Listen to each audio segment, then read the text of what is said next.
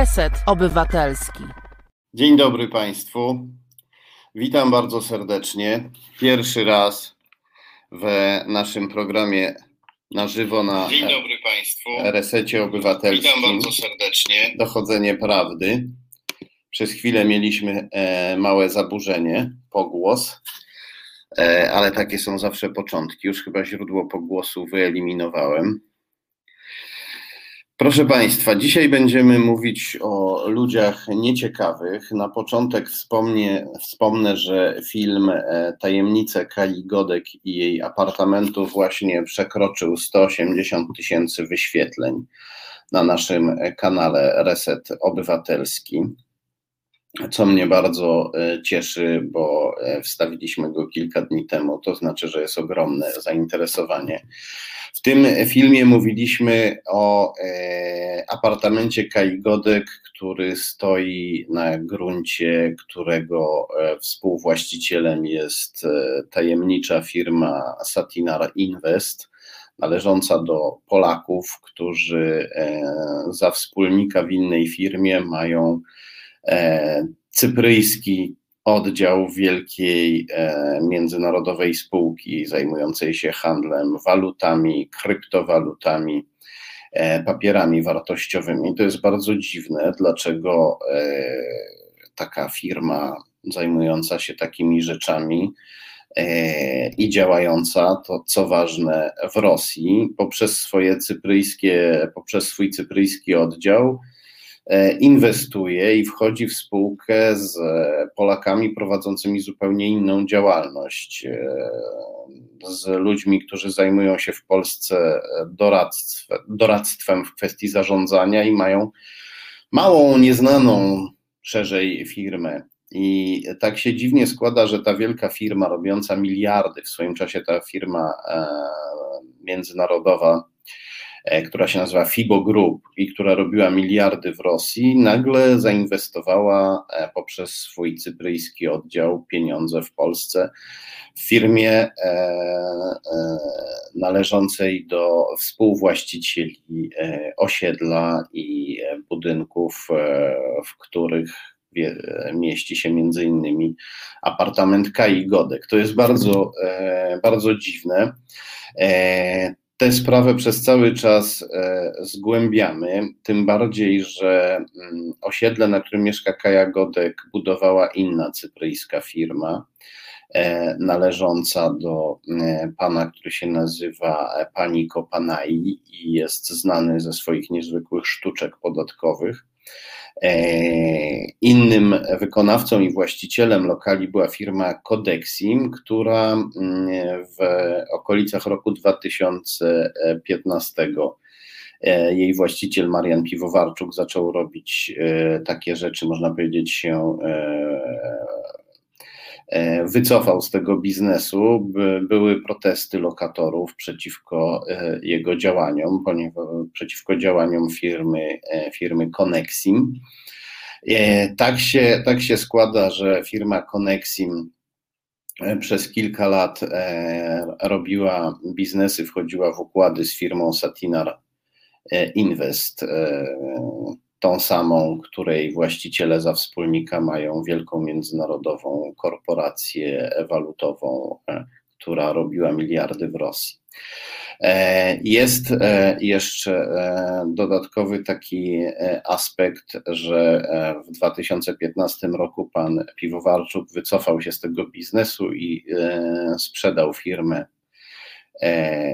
I jego firma sprzedał swoją firmę Konexim.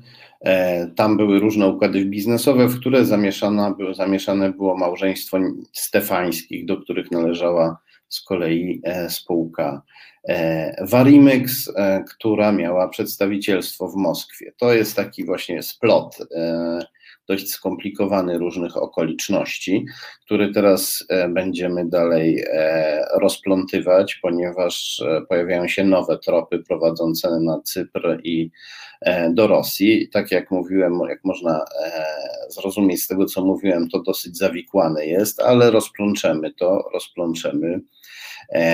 Jeżeli nic się nam po drodze nie stanie, to będziemy to dalej rozplątywać, ponieważ to należy rozplątać to, że wielka firma międzynarodowa, brokersko-walutowa, która robiła miliardy w Rosji, E, robi też nagle jakiś dziwny interes z małą firmą w Polsce, której właściciele e, są współwłaścicielami gruntu osiedla Kai Godek. To jest dziwne i to wymaga wyjaśnienia i to będziemy dalej e, wyjaśniać. Mówię my, ponieważ te tymi śledztwami zajmuję się głównie ja, ale to nigdy nie jest tak, że sam jeden człowiek e, dokonuje takich rzeczy, pomagają mi inne osoby. Serdecznie pozdrawiam Marcina Celińskiego, mm, pomagają źródła, które decydują się mówić, przysyłają mi nowe informacje na temat e, współpracowników Kai Godek. W filmie, który jest dostępny na kanale Reset Obywatelski, mówimy o niejakim Aliegu Prybyło, który przedstawia się czasem jako Ołech Prybyło Ukrainiec, ale używa też rosyjskiego nazwiska. E, tak się składa, że pan Prybyło e, przejął miejsce w zarządzie e, Fundacji Pro Prawo do Życia właśnie z rąk Kai Godek i tak się składa, że pan Aliek Prybyło działa w firmach robiących biznesy z Rosją i dowiedzieliśmy się właśnie też, że część rodziny pana Prybyło mieszka na okupowanym przez Rosję Krymie. Ale dość o Kai Godek, o niej prawdopodobnie powstanie co najmniej jeszcze jeden film, który zobaczycie na kanale Reset Obywatelski. Zajmijmy się e, głównymi bohaterami naszego wieczoru. Pierwszym z nich jest e, wiceminister Michał e, Woś. Zanim do niego przejdziemy, to serdecznie pozdrawiam wszystkich, którzy, jak się domyślam, w tym czasie zdążyli się już zgromadzić. Dobry wieczór Państwu, pisze do nas Wiewiór. Pozdrawiam serdecznie Wiewióra. E, pozdrawiam Marcina Celińskiego bardzo serdecznie. Jeszcze raz dziękuję za wszystko. Dziękuję za to, że założył ten kanał, bo to on przede wszystkim założył ten kanał i to był jego to był jego pomysł. E, dzięki, że jesteście. E, bardzo się cieszę. I e, przechodzimy teraz do naszego pierwszego z naszych głównych bohaterów, do Michała Wosia, który jest teraz wiceministrem sprawiedliwości, choć wcześniej działał w resorcie środowiska, taki omnibus, taki e, człowiek renesansu, jak to się kiedyś mówiło, człowiek wielu zdolności, tu się środowiskiem zajmie, tu e, tutaj się zajmie sprawiedliwością, no to jest w końcu współpracownik e, i sojusznik polityczny e, ministra prokuratora Zbigniewa Ziobry. I mm, Michał Woś e, straszy publicznie uczestniczki i uczestników, a przede wszystkim organizatorki i organizatorów strajku kobiet, mówiąc im, że mm, pójdą do więzienia na 8 lat, albowiem protesty, które organizują są nielegalne. Ja pamiętam miałem 14-15 lat, jak komuna się kończyła, czy kończył się komunizm, kończyła się Polska Rzeczpospolita Ludowa mm, i tam wtedy też e, e, wielokrotnie media i politycy upominali protestujących, upominali ich, e, żeby nie protestowali, albowiem ich protesty są nielegalne, tak tłumaczyli.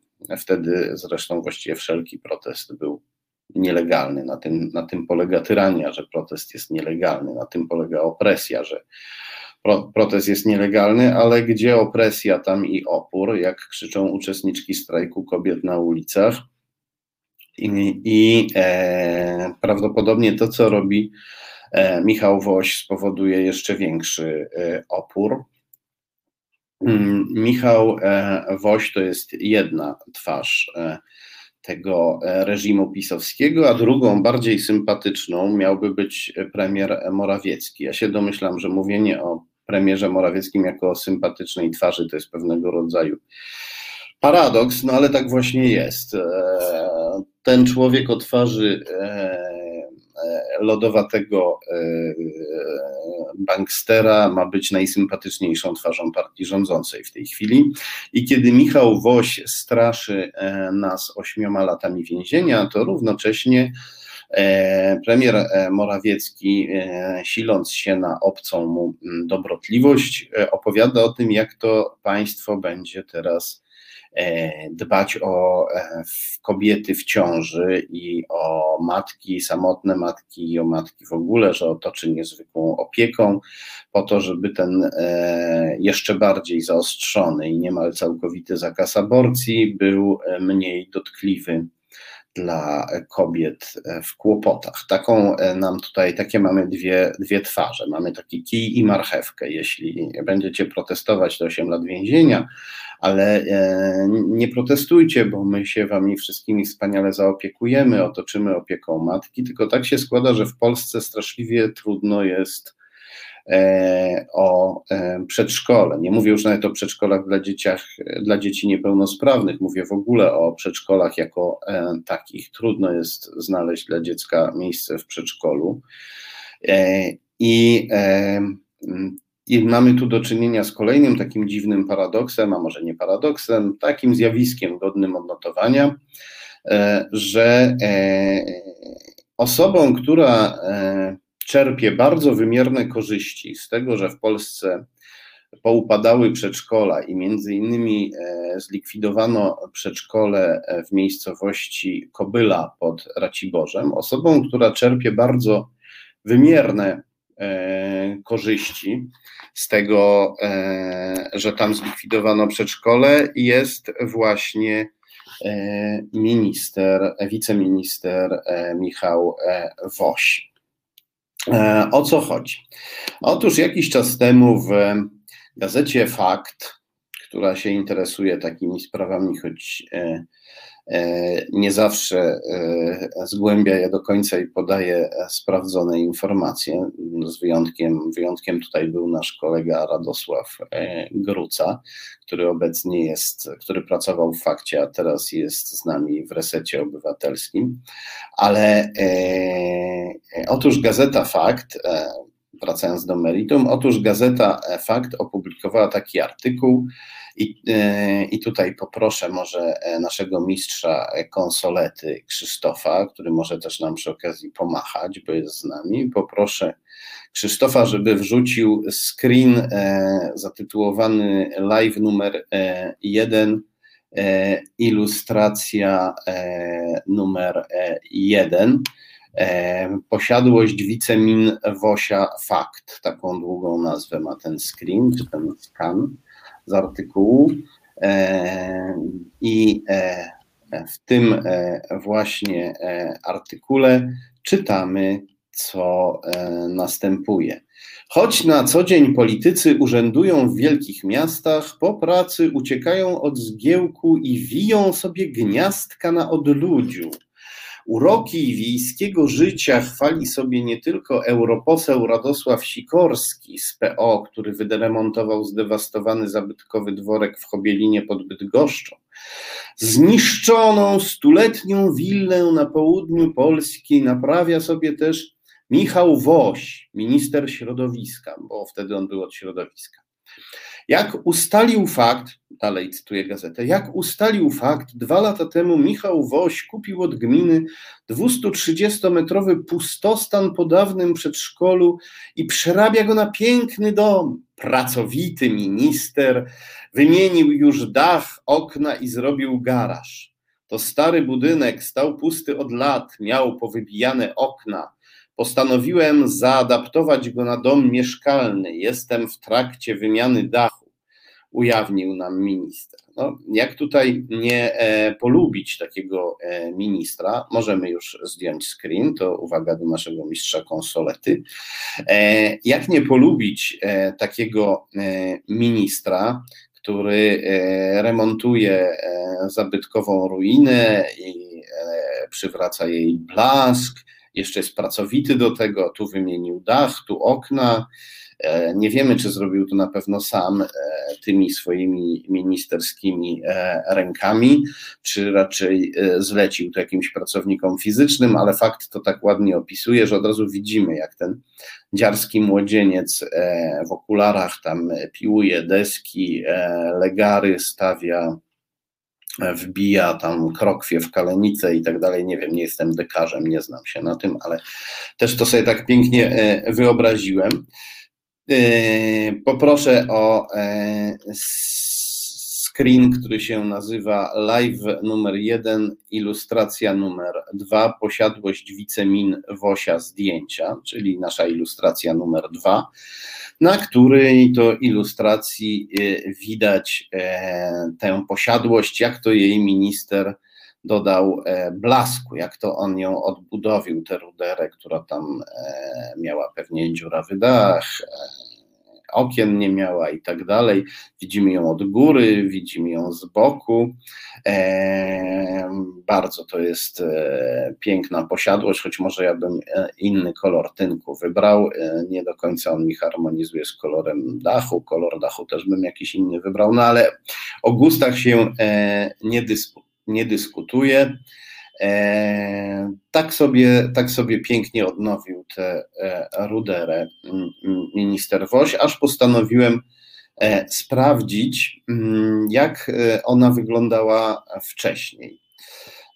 Jak wyglądała ta straszliwa rudera wcześniej i co zobaczyłem? Otóż znalazłem na portalu nowiny.pl tę nieruchomość, okazuje się, że było to przedszkole. Fakt zresztą też o tym napisał.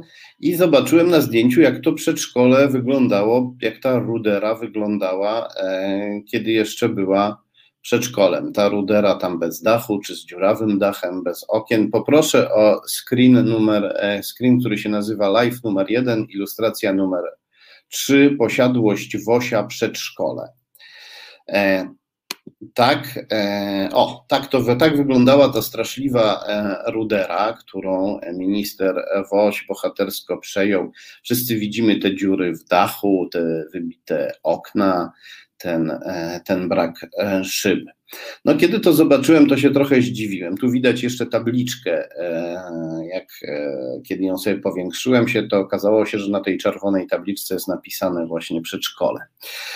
E, e, tu widzimy, e, widzimy, jak wygląda ta straszliwa rudera, która nie wygląda jak straszliwa rudera, tylko wygląda jak normalne przedszkole, więc się zdziwiłem, kiedy to zobaczyłem, ale sobie powiedziałem, no dobrze, ale może to jest bardzo, bardzo stare zdjęcie. Może trzeba rzucić okiem. No zobaczmy, jak wygląda to miejsce w na zdjęciu w serwisie Google Maps. E, I e, otóż to, poproszę o następny screen, już mamy. Tak, tak wygląda to miejsce w serwisie Google Maps. Te zdjęcia w serwisie Google Maps bywają dość aktualne, przynajmniej takie jest moje doświadczenie. Pamiętam, że kiedyś szukałem pewnego budynku, akurat ten budynek wyburzono i niedługo potem zobaczyłem go na Google Maps w wersji wyburzonej. Oczywiście nie zawsze jest tak fajnie, czasem te zdjęcia są starsze. No, e, ale tutaj znowu widzimy, że na Ruderę to miejsce nie wygląda. No, może im się jakieś bardzo stare na Google Mapsie zdjęcie zawieruszyło, ale inne zdjęcia, które widzimy też też pokazują, że to raczej e, rudera nie była, e, a jeśli była, to stała się ruderą w jakimś bardzo ekspresowym e, tempie po tym, jak przestało w niej funkcjonować przedszkole i trochę się pojawia pytanie, skąd to, skąd to przedszkole, skąd, dlaczego, tego, dlaczego to przedszkole nie może tam dalej funkcjonować. To e, na temat e, ministra e, Wosia, który straszy nas, straszy nas, straszy nas ośmioma latami więzienia, należy do obozu władzy, który straszy nas ośmioma latami więzienia i równocześnie obiecuje nam opiekę nad matką dzieckiem obiecuje nam e, przedszkola. E, tak e, sobie mieszka minister Woś, który czerpie korzyści z tego, że przedszkoli już nie ma. Na serwisie Nowiny, a nawet i fakt o tym wspominał, można przeczytać, że po zlikwidowaniu przedszkola gmina obniżyła wartość nieruchomości, dzięki czemu minister Woś mógł ją kupić dwa razy taniej, a nawet taniej niż dwa razy taniej. Teraz może zrobimy sobie małą przerwę, ponieważ gadałem przez 20 e, minut. Poproszę naszego mistrza konsolety, żeby zrobił nam teraz taką prezentację na ekranie wybranych e, komentarzy. Ja się napiję herbaty, a po herbacie przejdziemy do Roberta Bąkiewicza, Wszyscy pamiętamy Roberta Bąkiewicza, trudno go zapomnieć. Dzisiaj poprosił policję o ochronę. To jest Reset Obywatelski. Tworzymy go razem. Dołącz do nas na YouTube, Facebooku i Twitterze. Już jestem. E, rozmawialiśmy o e, wiceministrze, dawniej ministrze e, Michale Wosiu, który dzięki temu, że e, w miejscowości Kobyla pod Raciborzem e, zlikwidowano przedszkole, mógł sobie willę, w której wcześniej było to przedszkole, kupić, kupić właściwie za bezcen, bo po likwidacji przedszkola cenę później tej nieruchomości jeszcze zaniżono, czy też wyceniono ją znacznie niżej. A tak się składa, że wiceminister Woś jest przedstawicielem tej władzy, która obiecuje nam E, że w związku z wprowadzonym przez nią zakazem aborcji zaopiekuje się matkami i dziećmi. Tylko tych przedszkoli nie ma i nie ma. Natomiast przedszkoli jest luksusowa willa wiceministra Wosia w pięknej okolicy pod Raciborzem, prawie w samym Raciborzu, a jednak jakby na wsi kilka kilometrów od samego ścisłego centrum Raciborza, przy ulicy Willowej, piękne miejsce na spacery a żyjemy w epoce spacerów. E, żyjemy w epoce spacerów w Warszawie i w miastach całej Polski. Masa ludzi zaczęła nagle chodzić na zbiorowe spacery, e, więc e, myślę, że Raciborzanie też mogliby na nowo odnaleźć jakieś ciekawe miejsca spacerowe w okolicach swojego, swojego miasta. No, ale my musimy już przejść do Roberta Bąkiewicza, bohatera nie tylko tej transmisji, kolejnego z bohaterów tej transmisji, który był też bohaterem ostatnich dni. E, przypomnijmy, czego dokonał e, Robert Bąkiewicz? Otóż powołał najpierw już jakiś czas temu coś, co nazwał Rotami Niepodległości, Stowarzyszenie Roty Niepodległości, które e, miało nie wiadomo po co. No, taka bojówka faszystowska po prostu. Bandy nacjonalistycznych chuliganów, które biegają, biją ludzi i krzyczą o Matce Boskiej. Takie zjawisko znane w Polsce od 100 e, lat niestety. Odkąd, odkąd Polska odzyskała niepodległość, to niestety e, coś takiego obserwujemy i nawet PRL nie był do końca od, e, od tego wolny.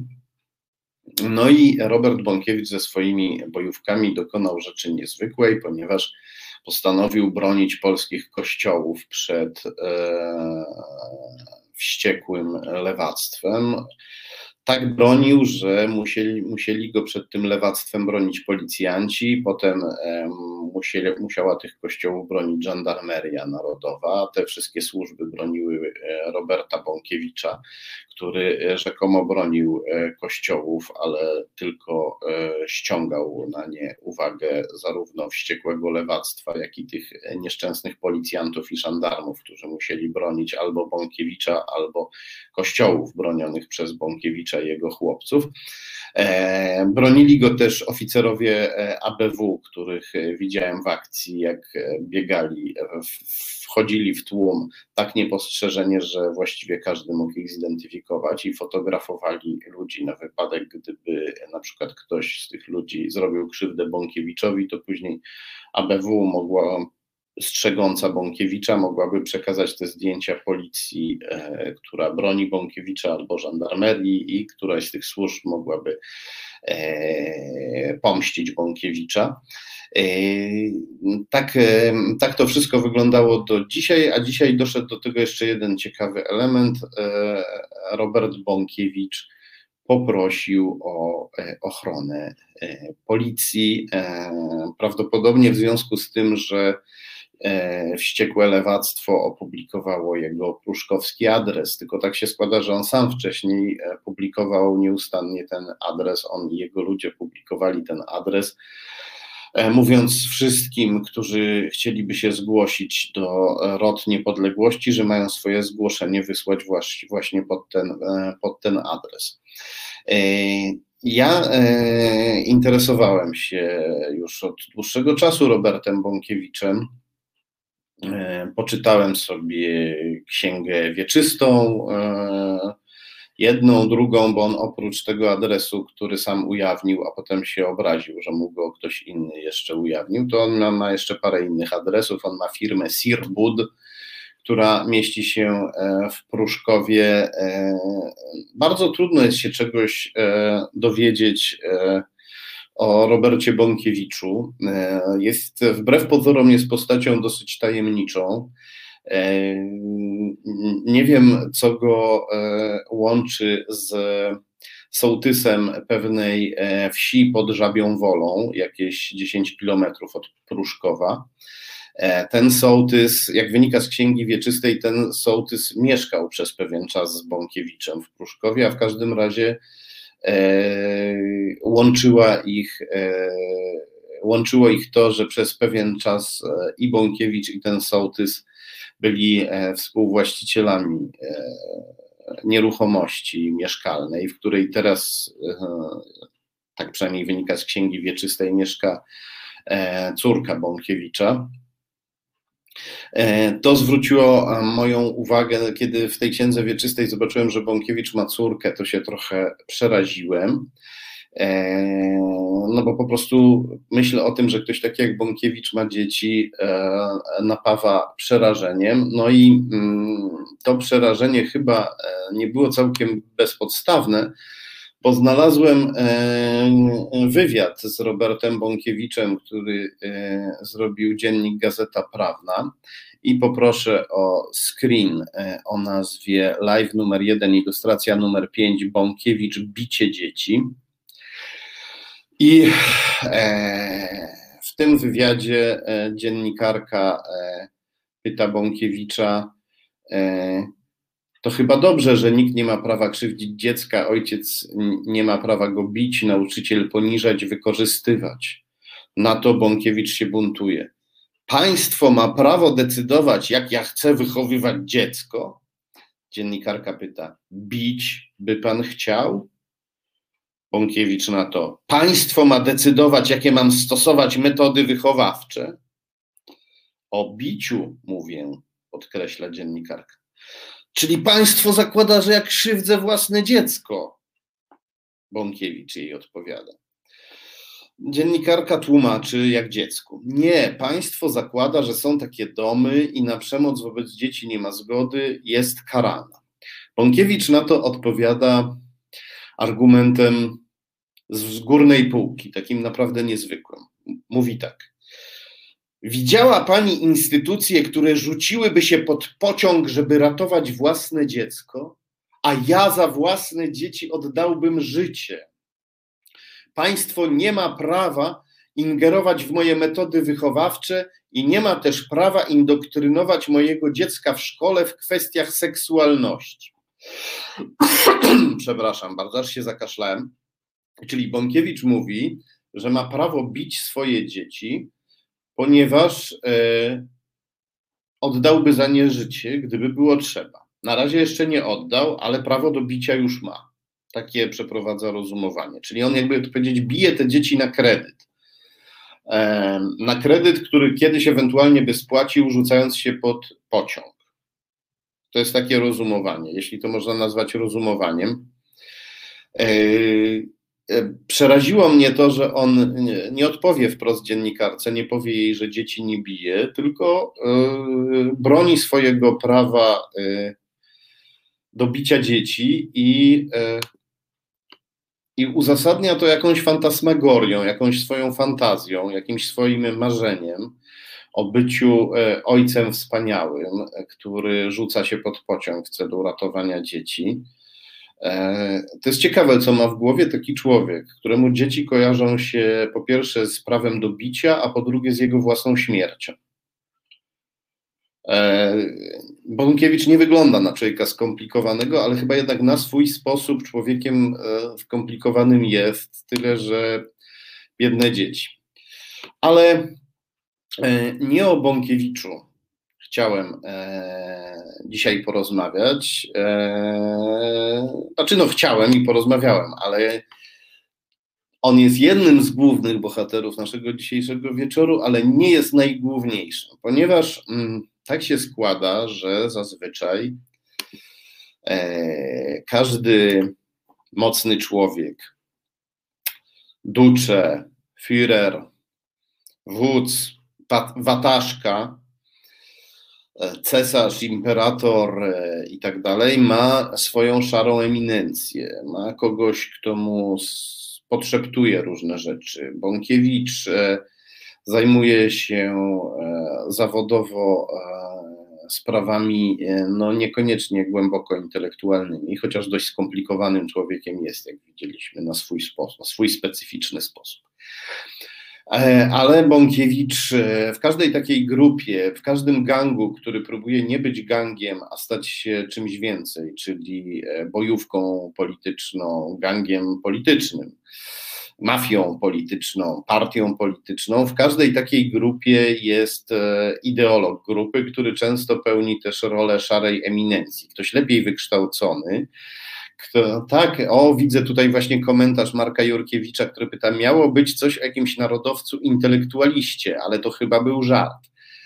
Tak, e, będziemy mówić o narodowcu intelektualiście, przepraszam, inteligencie, e, przepraszam, to też za wiele powiedziane, okularniku, o e, magistrze, o, czy też studencie, o e, narodowcu, który liznął wykształcenia wyższego, nosi okulary, e, zna parę trudnych słów, więc może robić za ideologa grupy i za szarą eminencję. I za chwilę sobie o nim porozmawiamy. Chodzi o Tomasza Kalinowskiego, E, ze Stowarzyszenia Marszu Niepodległości i ze Stowarzyszenia ROT Niepodległości Roberta Bąkiewicza. Zaraz o nim porozmawiamy, ale e, znowu e, zróbmy sobie może małą, króciutką e, przerwę. Ja sobie doleję ciepłej wody do herbaty, bo mi wystygła, a naszego mistrza konsolety poproszę o przegląd komentarzy. Znudzeni mainstreamowymi newsami? Czas na reset obywatelski. Zaangażowane dziennikarstwo. Wróciłem. Wróciłem i znowu muszę przekręcić e, ekran, bo za każdym razem jak wracam, okazuje się, że e, jakoś go wychodząc e, przekręciłem, żeby sobie na nowo ustawić, ustawić tło, albowiem jak wiadomo, kadr jest najważniejszy i obrazek jest najważniejszy. E, e, ja jednak e, przede wszystkim operuję słowem mówionym i pisanym i wierzę, że nie ma lepszego narzędzia niż, niż słowo, ale obrazki też dzisiaj, też dzisiaj będą, bo jeszcze mamy trochę screenów aczkolwiek one też będą pisane, będziemy pokazywać fragmenty e, dokumentów, publikacji. E, zanim przejdziemy do naszego e, bohatera numer jeden, bohatera numer jeden dzisiejszego wieczoru, chcę pozdrowić raz jeszcze, podziękować wszystkim komentatorom. Pozdrawiam Małpiaka, który zacytował Antoniego Macierewicza. Ten z kolei e, powiązał Martę e, Lempart z katastrofą smoleńską.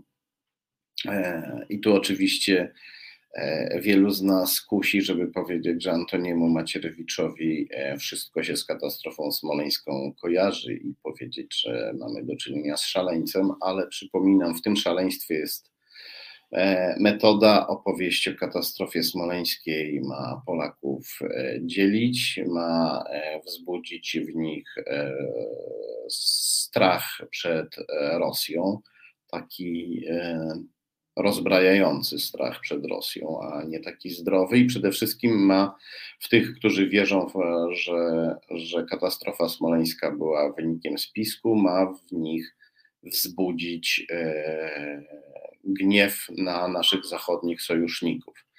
No bo ci, co wierzą, że to Rosjanie zabili nam prezydenta, gniewają się bardziej na Niemców i Amerykanów, że ci nic z tym nie robią, niż na samych Rosjan, bo zawsze zdrada bardziej e, boli niż akt e, wrogości ze strony wroga. Bardziej boli e, zdrada przyjaciela niż napaść wroga. Tak, e, tak to działa i temu służy ta cała opowieść o, o katastrofie smoleńskiej. I ona też wywołuje taki efekt, że skoro Rosja jest taka straszna, a Zachód nas zdradził i nie chce pomścić prezydenta Lecha Kaczyńskiego, a Rosja taka potężna, to chyba trzeba machnąć ręką na ten cały Zachód i przytulić się do tej Rosji. Taka się pojawia zrozumiała mm, e, w tym szaleństwie, wewnątrz logiki tego szaleństwa zrozumiała reakcja psychologiczna, e, a e, następny etap tej reakcji próbuje wywołać na przykład Grzegorz Braun, który w książce System od Lenina do Putina sugeruje, że katastrofa smoleńska to już wynik, to wynik spisku, ale nie, już nie rosyjskiego, tylko amerykańskiego. Amerykanie zabili nam prezydenta, żeby skłócić nas z naszymi słowiańskimi braćmi z Rosji. Za pomocą takich manipulacji e, dokonuje się zmiana świadomości w społeczeństwie i ze społeczeństwa bardzo prozachodniego, jakim byli Polacy, a w każdym razie proeuropejskiego, próbuje się zrobić społeczeństwo antyzachodnie i antyeuropejskie. Pozdrawiam też Krzysztofa Regi, który zauważył, że e, w niemal w tym samym momencie Robert Bąkiewicz i prezes Kaczyński wezwali ludzi do obrony kościołów. Próbowali jakieś rozruchy czy pogromy wywołać, wzywając katolików do obrony rzekomo zagrożonych kościołów. Tego próba rozpętania takiej wojny religijnej jest bardzo na rękę Putinowi, stąd zasadne pytanie Krzysztofa Regi, czy prezes Kaczyński i Robert Bąkiewicz mają e, tego samego suflera. E, co do prezesa Kaczyńskiego, to e, wiemy, że doszedł do władzy dzięki Rosjanom. Przyczynili się oni do tego na różne sposoby. Przede wszystkim organizując aferę taśmową, która pogrążyła Platformę Obywatelską w latach 2014-2015, ale też wysyłając do naszego internetu armię trolli używających języka polskiego i zachwalających, i zachwalających PiS. E, co do Bąkiewicza i jego suflera, to właśnie za chwilę do niego przyjdziemy. Tym e, suflerem najprawdopodobniej jest e, nie kto inny, a wspomniany wcześniej Tomasz Kalinowski.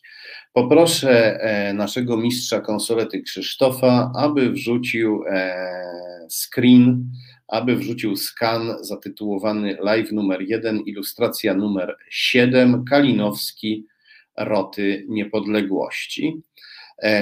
To jest e, screen z Wikipedii. Ja zazwyczaj nie używam Wikipedii jako źródła, e, ponieważ Wikipedia zawiera wiele cennych informacji, ale też ludzie stronniczy mogą modyfikować jej treść. Zresztą sama Wikipedia odsyła do różnych źródeł, które są e, bardziej poważne i godne zaufania, więc nie ma takiej potrzeby, ale tu akurat ten fragment z Wikipedii e, podsumowuje, można powiedzieć, w pigułce, e, czym są e, roty niepodległości. To jest fragment artykułu Wikipedii na temat Stowarzyszenia Roty Niepodległości. Czytamy w nim. Wedle doniesień medialnych działacze organizacji rekrutowani są spośród członków i sympatyków Ruchu Narodowego, Stowarzyszenia Marsz Niepodległości oraz Fundacji Pro Prawo do Życia. Na czele organizacji stoi Robert Bąkiewicz, były lider obozu narodowo-radykalnego, zaś jednym z działaczy jest Tomasz Kalinowski, były rzecznik prasowy obozu narodowo-radykalnego. Organizacja współpracuje z polskim Kościołem katolickim. No to ostatnie zdanie prawdopodobnie nikogo nie zaskakuje. Zajmijmy się pozostałymi doniesieniami. Fundacja Pro Prawo do Życia to jest fundacja E, o której, e, w której działała przez dwa lata Kaja Godek. Zastąpił ją w tej fundacji Alieg Prybyło, o którym mówiliśmy wcześniej. Przybysz ze wschodu, używający e, raz ukraińskiego, raz rosyjskiego nazwiska i działający w firmach związanych z Rosją.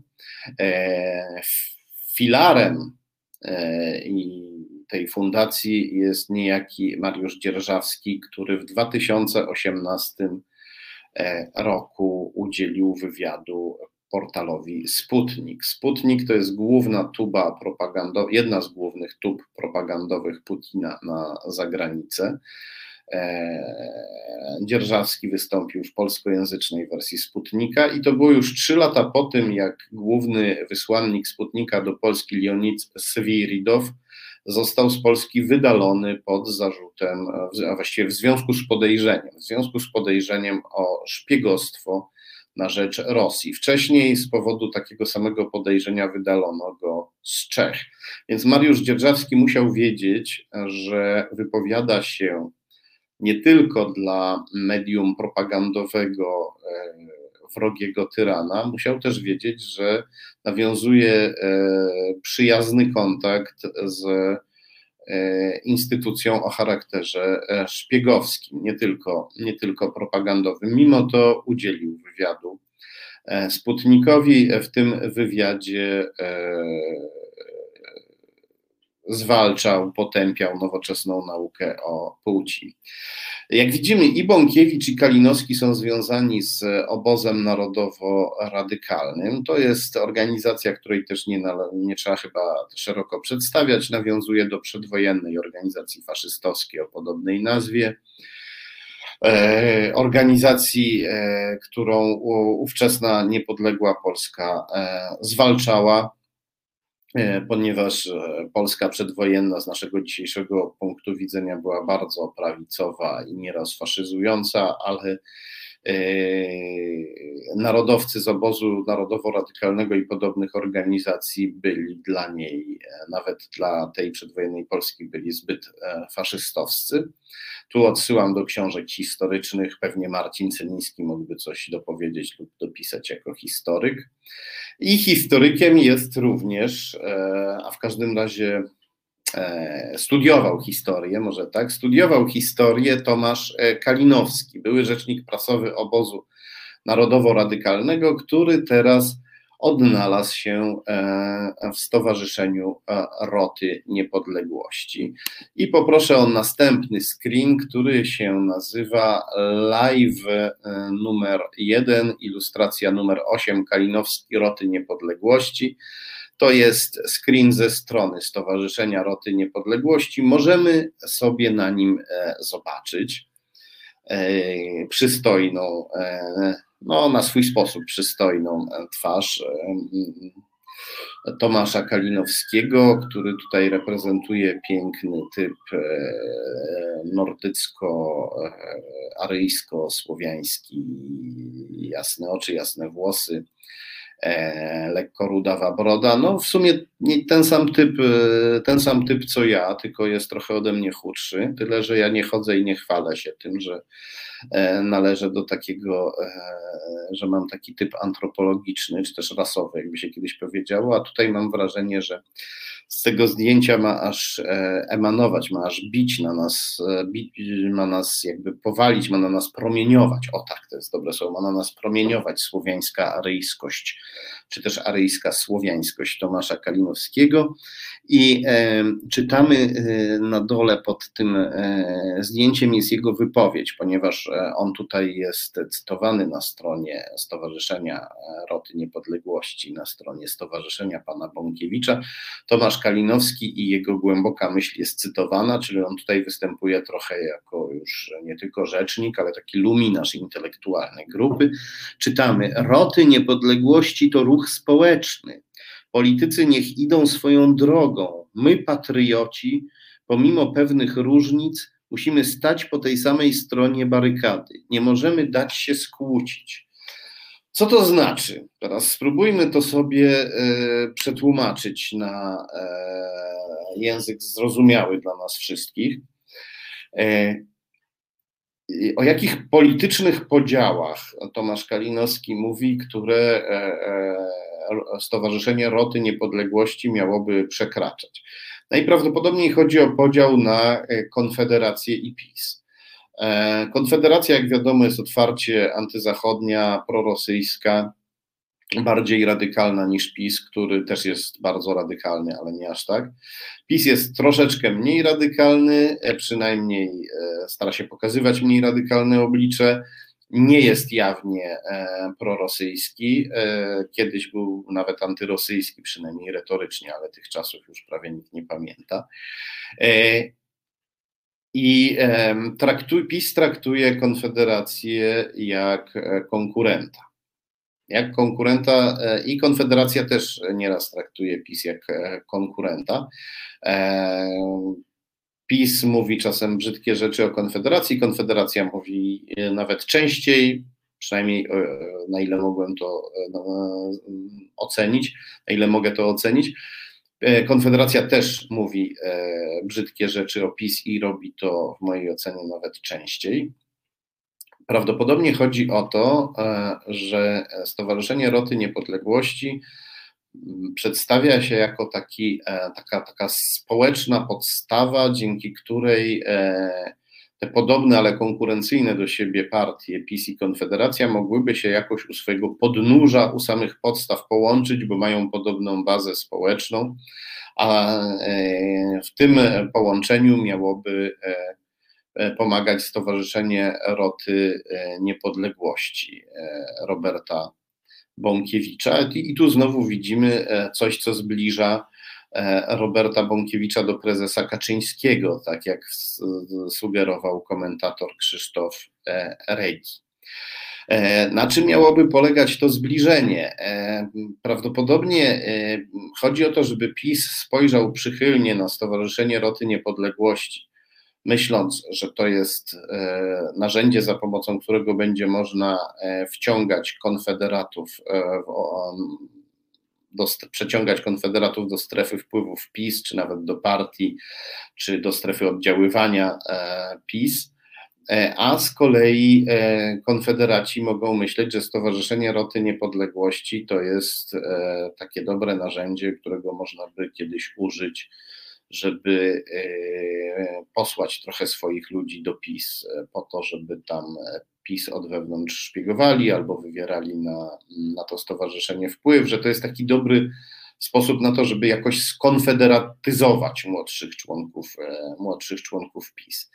Tak można e, to czytać, aczkolwiek nie można wykluczyć, że po prostu e, pewnego dnia Tomasz Kalinowski poczuł taki po prostu liryczny przypływ w swojej duszy i postanowił parę ładnych słów powiedzieć, nie zastanawiając się głębiej nad ich znaczeniem. To jest możliwe, tego nigdy nie można wykluczyć, aczkolwiek ja zawsze e, w szaleństwach, zakładam, że w szaleństwach i głupotach może być e, metoda, nawet jeśli niekoniecznie stosuje ją sam szaleniec, to czasem stosuje ją ktoś, kto szaleńca doprowadził do, e, do szaleństwa. Ale wróćmy do mm, Tomasza Kalinowskiego. E, jest taki e, serwis dla profesjonalistów, e, medium społecznościowe profesjonalistów LinkedIn, prawdopodobnie większość z nas je zna. Postanowiłem sprawdzić, czym się chwali w tym serwisie Tomasz Kalinowski, bo tam ludzie się chwalą swoim doświadczeniem zawodowym. I poproszę w związku z tym o e, następny screen e, pod tytułem e, Live numer 1, ilustracja numer 9. Tomasz Kalinowski, LinkedIn Marketing PR Marsz Ostoja. Taką długą nazwę mają te, te screeny, takie sobie ponazywałem, żeby, żeby kiedy będę ich szukał i będę widział tylko tytuły nagłówki, żebym wiedział dokładnie, co jest na każdym screenie. No i dowiadujemy się, że Tomasz Kalinowski, kiedy już zobaczymy sobie ten screen, kiedy już zajrzymy na LinkedIn, żeby e, dowiedzieć się, jak wyglądała droga życiowa i zawodowa profesjonalisty Tomasza Kalinowskiego, to dowiadujemy się, że on jest, uwaga, specjalistą do spraw marketingu i PR Stowarzyszeniu Marsz Niepodległości. No, marketing to jest sztuka, e, tak to nazwijmy, to jest umiejętność, to jest umiejętność zawodowa, to jest e, polegająca na tym, że się człowiek wie, jak się sprzedać albo kogoś innego sprzedać, w sensie sprzedać na rynku. E, PR to jest pokrewna dziedzina polegająca na tworzeniu wizerunku publicznego osoby lub organizacji. Czyli on miałby być takim marketerem i PR-owcem Stowarzyszenia Marsz Niepodległości. Pewnie podobną rolę pełni w Stowarzyszeniu Roty Niepodległości u Roberta Bąkiewicza. Postanowiłem sobie zobaczyć, co on robił wcześniej, więc mamy do czynienia z człowiekiem młodym, względnie młodym, nawet całkiem młodym. Zaczął na e, Uniwersytecie Warszawskim, gdzie studiował historię przez rok, więc w sumie mówienie o nim, że jest historykiem, to tak, mm, to, to gruba przesada, tak jak z tym intelektualistą. 2014-2015. Potem w latach 2015-2020 przeszedł na politologię. No, na, studiując historię, to trzeba ciężko pracować ze źródłami w każdym razie człowiek powinien przynajmniej starać się ciężko pracować ze źródłami. Źródła bywają trudne, być może to odstraszyło Tomasza Kalinowskiego, być może miał nadzieję, że na politologii będzie więcej e, lania wody, a mniej konkretnej pracy.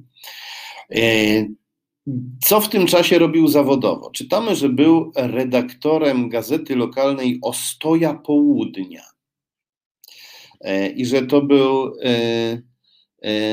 apprenticeship, czyli to była taka staż, że to był staż, taka praktyka zawodowa, która trwała przez e, jeden rok i jeden miesiąc. Gazeta lokalna Ostoja Południa wychodziła w powiecie piaseczyńskim. No nic dziwnego, bo Tomasz Kalinowski jest z Piaseczna.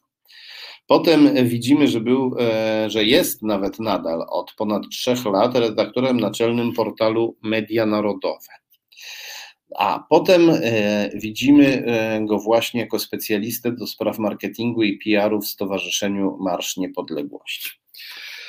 Mm, najbardziej mnie w tym wszystkim zaciekawiła gazeta lokalna Ostoja Południa. Może dlatego, że ma taką piękną nazwę. Południe pewnie chodzi o to, że Piaseczno jest e, na południe od Warszawy. Jeżeli ktoś jest z Poznania, to w takim razie powinien sobie to wyobrazić, że, e, e, że gazeta puszczykowska nazywa się na przykład e, Gwiazda Zachodu, bo Puszczykowo jest na zachód od Poznania, jeśli dobrze pamiętam. Proszę mnie poprawić, jeśli się, jeśli się mylę. E, albo jeśli ktoś jest e, na przykład z Sopotu, to powinien sobie wyobrazić, że e, gazeta z Chojnic nazywa się Niezmierzone przestrzenie południowych borów. Bardzo jest to szczególna nazwa i dlatego mnie zaintrygowała. No, mm, znawcy, eksperci, czy też ludzie z wieloletnim doświadczeniem mówią, że e, lepiej unikać takich nazw, jeśli się e, chce robić takie, jeśli chce się działać dyskretnie, bo takie nazwy przyciągają uwagę, ale z drugiej strony gazeta nie, nie powinna być dyskretna, gazeta powinna przyciągać uwagę. I to jest jedno z tych, e, to jest jedno z, z, z jedno z zagadnień, jeden z problemów, z którymi muszą się mierzyć niektórzy bohaterowie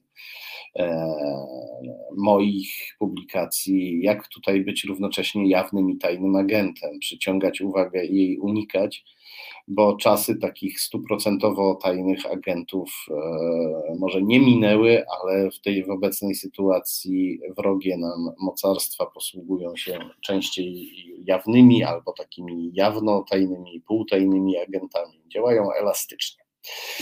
E, wróćmy do e, Tomasza Kalinowskiego i do Ostoi Południa, a właściwie za chwilę do niej e, wrócimy. Zrobimy sobie teraz znowu małą półtora minutową przerwę na komentarze. Ja spróbuję się napić tej herbaty, którą tutaj mam obok siebie, chyba że mi znowu wystygła. Reset Obywatelski. Medium, które tworzysz razem z nami. Komentuj, pisz i wspieraj. I jesteśmy znowu. Widziałem tutaj e, pytania Wasze, e, drodzy komentatorzy, dlaczego nie słychać e, muzyki. No, ja też bardzo żałuję, że, e, że jej nie mamy. E, niestety, ale z drugiej strony, na szczęście, nie jesteśmy już e, w radiu. E, w tamtym radiu. Tam była możliwość słuchania muzyki, ale mam taką propozycję, może e, wrzućcie sobie jakąś muzykę, bo to bardzo, to bardzo łatwo. Polecam utwór, który się nazywa Demolition przez C, bo to po hiszpańsku, czyli pisze się Demolition, ale wymawia się Demolition grupy Los Psychos. E, to jest bardzo ciekawa historia trwają spory y, o to, jak się zaczął punk rock, czy to było w Wielkiej Brytanii, czy w Kalifornii, czy w jeszcze jakiejś innej części Stanów. Ale y, odkryłem niedawno, a właściwie dowiedziałem się o odkryciu, y, otóż zdaniem wielu badaczy, punk rock zaczął się w połowie lat 60. w Peru 10 lat wcześniej niż w krajach anglojęzycznych, ponad 10 lat wcześniej niż w krajach anglojęzycznych. E, Los e, Psychos nazywał się zespół, który nagrał wtedy kawałek Demolition, który ma e, ostre bębny, ostry riff gitarowy, krótki, powtarzający się, krzyczący wokal i tekst o tym, o niszczeniu. No, kawałek punkowy, aczkolwiek brzmiący E, po latynosku, bo tego oczywiście nie dało się uniknąć. E, główny muzyk był peruwiańskim Indianinem z gór i chodził w góry, a potem wracał do kolegów, gitarzysta ich i e, przynosił im z tych gór indiańskie riffy, które okazywały się punkowe. Także jeżeli znowu zrobimy jakąś przerwę, to proponuję sobie, żeby każdy włączył sobie swoją ulubioną muzykę na chwilę, albo żeby włączył dostępny w serwisie YouTube kawałek Demolition grupy Los Psychos. A my wracamy do młodzieńca, który nie jest Indianinem z gór, tylko słowiańsko-aryjskim blondynem, prawie tak pięknym jak ja, tylko trochę chudszym. E, wracamy do Tomasza Kalinowskiego ze Stowarzyszenia Roty Niepodległości, które e, tak broniło kościołów, że musieli ich policjanci bronić i tych kościołów, i tego stowarzyszenia. Tomasz Kalinowski, jak wszystko wskazuje, robi w tej grupie za intelektualistę. Wracamy do niego i e, w związku z tym e, poproszę o e, kolejny screen, który się nazywa live numer 1, ilustracja numer 10, Tomasz Kalinowski, Ostoja, wiceprezes. To jest bardzo ciekawy screen, który pochodzi z mm, bardzo zasłużonego serwisu rejestr.io, czyli to znaczy rejestr informacji obywatelskiej. Ten serwis pokazuje w formie e, przystępnej e, i, i łatwej w użyciu pokazuje skomplikowane informacje biznesowe z Krajowego Rejestru Sądowego, na którym jest całkowicie e, dokładnie oparty. Jak coś jest w Krajowym Rejestrze Sądowym, to, e, to jest w serwisie rejestr IO. A w każdym razie wszystko, co jest w serwisie rejestr IO, jest potwierdzone w Krajowym Rejestrze Sądowym. E, ten serwis się rozszerza, e, można tam nie tylko podstawowe informacje, ale też coraz więcej dokumentów zobaczyć. Bardzo, bardzo polecam ten serwis, bo bez niego jesteśmy ślepi. Dzięki niemu e, dowiadujemy się rzeczy naprawdę kluczowych. E, wędrowanie po tym serwisie, podobnie jak po innych serwisach związanych z Krajowym Rejestrem Sądowym. Bardzo zasłużony jest też IMSIG, czyli Internetowy Monitor Sądowy i Gospodarczy. Chodząc po takim e, serwisie, nawigując po nim, e, zaczynamy rozumieć, jak wygląda nasze społeczeństwo. Okazuje się, że nie jest ważna e, przemowa, jaką wygłasza biznesmen czy polityk na bankiecie, tylko liczy się to, z kim on następnego dnia rano je śniadanie. I jakie są jego, jacy są jego kompanii i partnerzy w tym śniadaniu, e, skąd on bierze swój chleb powszedni. I często tam widać różne e, sojusze i powiązania naprawdę zaskakujące.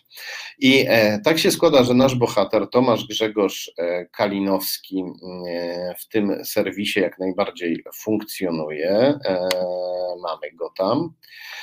I jest tam również Ostoja Południa. Jeden z komentatorów e, proponował, żeby przemianować tę gazetę na Strażnicę Polskiego Teksasu. E, gazeta wychodziła w Piasecznie, Piaseczno jest na południe od Warszawy, więc nazwano ją Ostoja Południa, tak ładnie ją nazwano. Brzmi to tak, jakby tę nazwę sam Tomasz Kalinowski wymyślił. Ale uwaga, yy, oglądaliśmy sobie Tomasza yy, Kalinowskiego yy, w serwisie LinkedIn, w serwisie dla profesjonalistów, gdzie Tomasz Kalinowski pisze o sobie skromnie, że był stażystą, czyli że uprawiał apprenticeship w, w mm, gazecie lokalnej Ostoja Południa. Ale jak zajrzymy do Krajowego Rejestru Sądowego, to nasz skromny młodzieniec E, nagle nabiera mm, e, nieco większego wymiaru i jakby jego postać nam potężnieje, ponieważ widzimy, że w spółce Ostoja Południa, która e, zapewne była z tą gazetą związana, prawdopodobnie ją wydawała, Tomasz Kalinowski był wiceprezesem zarządu. E, był wiceprezesem zarządu przez 4 lata, od 2016 roku e, do 2020 roku. Czy był czteroletnim wiceprezesem zarządu? Czteroletnim nie w tym sensie, że miał wtedy 4 latka, młody był, ale nie aż tak, ale był, był tam e, prezesem, wiceprezesem zarządu przez 4 lata. To w sumie dość odpowiedzialna funkcja. E, czym była e, ta spółka Ostoja Południa? Poza tym, że była związana z Piasecznym i z gazetą o tej samej nazwie. Poproszę o następny e, screen, który również pochodzi z serwisu rejestr.io. To jest screen zatytułowany Live numer 1, ilustracja numer 11, prezes Komosa. O, E, już powinniśmy mieć, już mamy ten, e, już mamy ten screen. E, co na nim czytamy? To jest, to jest informacja z Krajowego Rejestru Sądowego, dostępna w serwisie rejestr.io. Dowiadujemy się, że prezesem Ostoi Południa, prezesem zarządu tej spółki był Jan Piotr Komosa. E, i był nim od 2016 do 2020 roku, czyli w tym samym czasie, kiedy wiceprezesem, jego zastępcą był Tomasz Kalinowski. Obaj panowie, e, jak e, widać, byli ze sobą mocno związani. Jeden drugiego zastępował przez cały czas, przez te całe cztery lata, kiedy prezes Komosa był e, prezesem Ostoi Południa, to Kalinowski był jego wiceprezesem, czyli jego zastępcą. Potem prezes Komosa został likwidatorem, czyli najwyraźniej Ostoja Południa się nie ostała. No ale przez cztery piękne lata obaj panowie dzielnie współpracowali. Mm, e, no, nie wiem, czy to były aż takie piękne lata, ale chciałbym wierzyć, że współpracowało im się dobrze. Mm, wszystko na to wskazuje, skoro przez te cztery lata e, byli tam, byli tam razem. Skoro Jan Piotr Komosa tak był związany przez cztery lata z naszym bohaterem, to postanowiłem E, sprawdzić bliżej, kim jest e, Jan Piotr e, Komosa. I, I w związku z tym poproszę o następny screen, który się nazywa Live numer 1, ilustracja numer 12, Komosa CG, czy też CG, CG CG e, Finance Luxemburg. E, odnajdujemy bowiem Jana Piotra Komosę i to w tym samym czasie, kiedy, e, kiedy działał z Kalinowskim w spółce Ostoja Południa, odnajdujemy go jako wspólnika w pewnej, w pewnej firmie. W pewnej firmie odnajdujemy go jako wspólnika z bardzo ciekawymi wspólnikami. To jest firma Maconline, która zajmowała się usługami objętymi pośrednictwem finansowym. E, I e, w tej e, właśnie spółce pan Jan Piotr Komosa, kolega, szef Kalinowskiego z Ostoi Południa, był wspólnikiem razem ze spółką CG Finance SA z siedzibą w Luksemburgu. Luksemburg jest rajem podatkowym. E, jeśli ktoś chce być nietransparentny, nie płacić podatków albo ukryć informacje o tym, kto jest właścicielem firmy, to e, spieszy do Luksemburga, choć może też na Cypr i do, na Wyspy Dziewicze, ale Luksemburg pod tym względem wcale niezły jest. E, dowiadujemy się, że spółką Mac Online zarządzał i reprezentował ją niejaki Olivier Eger, to jest e, przedsiębiorca działający we Francji, który i nie tylko, również w Brazylii, w wielu miejscach, który wymyślił, e, że żeby ubezpieczać bilety. E, tak, ubezpieczać bilety w dobie koronawirusa. Co to znaczy? To znaczy, że na przykład sobie kupujemy z dużym wyprzedzeniem bilet na mecz, na koncert, E, albo nie wiem, na statek, na samolot, a tu się nagle okazuje, że z powodu pandemii koncerty, samoloty, e, mecze są zakazane. I e, w związku z tym, kupując bilet, możemy się też ubezpieczyć od tego, że nie pójdziemy na mecz, ale i, i, i zostanie nam wypłacone odszkodowanie w związku z tym. E, e, więc można sobie poczytać w prasie branżowej, że Olivier Eger jest e, geniuszem. On się pisze Olivier Heger przez samocha, jeśli go czytać z Polska. Ale bardziej niż pan Olivier Eger zainteresowała mnie spółka CG Finance SA z siedzibą w Luksemburgu, prawdopodobnie jakoś związana z panem Olivier Eger, skoro on w firmie Mac Online występował jako jako członek zarządu, e, chociaż on e, jako osoba fizyczna wspólnikiem nie był. Wspólnikiem był Jan Piotr Komosa, kolega i współpracownik naszego Tomasza Kalinowskiego ze Stowarzyszenia Roty Niepodległości Roberta Bąkiewicza. No więc skoro pan Komosa, który współpracował z naszym pięknym i wykształconym narodowcem Kalinowskim, Skoro pan Komosak ma coś wspólnego również ze spółką CG Finance SA z siedzibą w Luksemburgu, postanowiłem się dowiedzieć e, więcej o tej, e, o tej spółce. No i w związku z tym poproszę o e, kolejny screen. Screen, który się nazywa Live numer 1, ilustracja numer 13, Komosa, Luksemburg, Jonathan Paganelli. No i, i zazwyczaj te śledztwa wyglądają w ten sposób, ponieważ żyjemy w rzeczywistości, która jest, jak to się mówi, sieciowa, ale jest też łańcuszkowa i piramidkowa. Spółki tworzą spółki, które tworzą kolejne spółki y, i tego rodzaju pączkowanie spółek ma zawsze coś ukryć. Ma ukryć na przykład to, że się nie płaci podatków, albo ma ukryć rzeczywistą tożsamość właściciela spółki i temu, e, czy też jej na przykład prezesa. I e, ten, takie, takie potrzeby zaspokaja Luksemburg e, w serwisie Open Corporates, który też bardzo polecam który działa trochę podobnie jak rejestr IO, ale stara się dostarczać informacje z wielu krajów. W tym serwisie znalazłem protokół czy też streszczenie, streszczenie e, protokołu posiedzenia e, tejże właśnie spółki CG Finance SA z Luksemburga. Znalazłem, ono jest tutaj po francusku. Ja na szczęście po francusku czytam. Miałem francuski w liceum, nienawidziłem nauczycielki od francuskiego e, i ona też nienawidziła mnie, więc w sumie był to taki dosyć e, sprawiedliwy między nami układ. Nie, nie wiedziałem, jaką cholerę się tego języka uczę, nie nauczyłem się nim mówić, natomiast e, nauczyłem się po francusku czytać.